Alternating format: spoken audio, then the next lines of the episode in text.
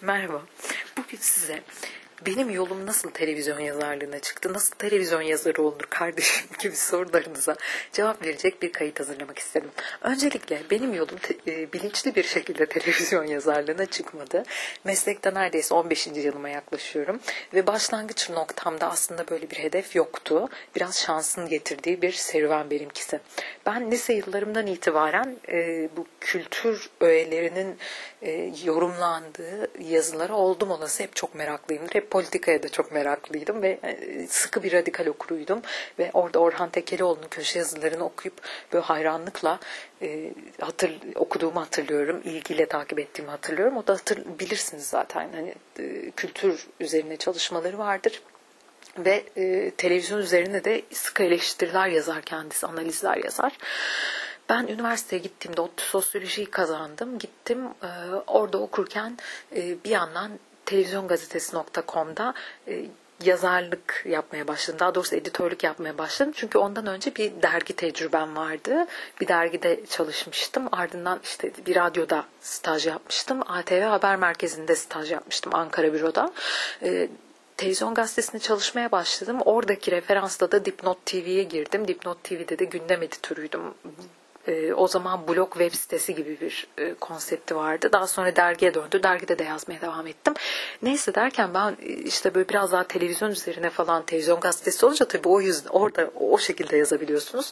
Onları yazmaya başlayınca benim yazdığım, girdiğim haberler daha çok tıklanmaya başladı ve bir köşe açalım sana teklifi geldi o dönemki e, patronumdan.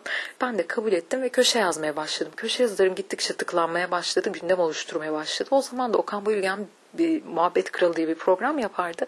Bizim site onun her zaman dilindeydi. Yani bir şey oluyor ah kesin yarın gene televizyon gazetesinde haber oluyoruz falan derdi. O haberleri de tabii ki ben yazıyordum. Tanımıyorum etmiyorum Okan Bayülgen'i tabii ki ama e, neyse yani bizim siteyi takip ettiğini de biliyorum ama yanlış olmasın burada hani herhangi bir kişiyi öven yazılar değildi bunlar. Ardından e, bir gün bir, ben ODTÜ'de okurken şiddet gördük biz e, güvenlik görevlilerinden ve ciddi anlamda böyle tartaklandığımızı hatırlıyorum. Muhabbet Kralı programına da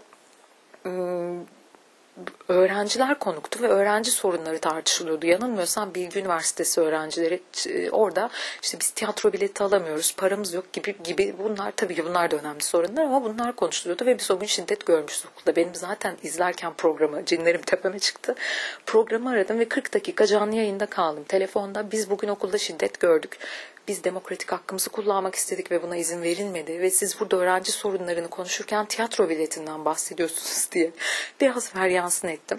Ee, uzun süre yayında kaldım ve bir yandan da bir sürü destek mesajları yağdı. Yani o zaman işte Facebook popüler. Facebook'tan binlerce mesaj aldım o akşam.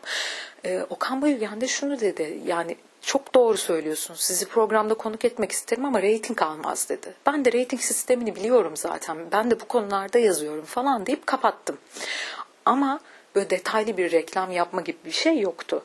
Ardından bu, bu Ocak ayında gerçekleşti. 2009-2010'du galiba. Ardından bana birkaç ay sonra bir telefon geldi. Antalya Televizyon Ödülleri'nde jüri üyesi, ön jüri üyesi olmak ister misiniz diye. Ben de kabul ettim. Fakat beni kim önerdi, ben oraya nasıl gittim hiç bilmiyorum yani. Altın Portakalı düzenleyen ekibin bir organizasyonuna gitmişim. Zaten çok onore edici bir şey. Daha bu işi birkaç yıldır yapan biri olarak e, sektörün en önce isimleriyle jüri üyesi olarak yan yana koltuklarda oturuyorum ve e, bu, bu çok çok gurur verici bir şeydi benim için ve Antalya'ya gitmemle beraber aslında benim hayatımda bir sürü şey değişti. Çevremde e, bu, bu alanda deneyimli birçok isimle tanışma fırsatı buldum. E, Sine dergide yazmaya başladım Antalya'ya gittikten sonra ve e, yıllar sonra öğrendim ki beni oraya jüri üyesi kim olsun diye sorduklarında öneren kişi de Okan Bayülgen'miş. Hala tanımıyorum kendisini ama bu podcast belki kulağına gelir. Kendisine teşekkürlerimi yeniden ileteyim. E, yani böyle açıldı benim önüm. Ardından televizyon yazarı olarak e, başka yerlerde de yazmaya başladım. Yurt içinde, yurt dışında çeşitli televizyon programlarına, belgesellere demeç verdim. Alman ZDF televizyonuna, e, Kanada'da Telekübek TV'ye çıktım. Türkiye'de bir sürü televizyon kanalına çıktım. Bir sürü e, gazetede, dergide röportajlarımdan parçalar yayınlandı, yazılarımdan parçalar yayınlandı. Ve derken televizyon yazarı olarak bir e, kariyer sürdürmeye devam ettim. Hiçbir zaman çok popüler biri olma hedefim yoktu. E, yani zaten öyle bir hedefle yollanılabilecek bir, bir şey de değil bizimki. Bir köşe yazısı yazıyorsunuz. Ama hani benim yolum böyle çizildi. Ben nasıl televizyon yazarı olurum? Siz nasıl oldunuz diye soranlar varsa benim yolum böyle geçti. Umarım merak edenlerin sorularına cevap verebilmişimdir. Sevgiler, hoşçakalın.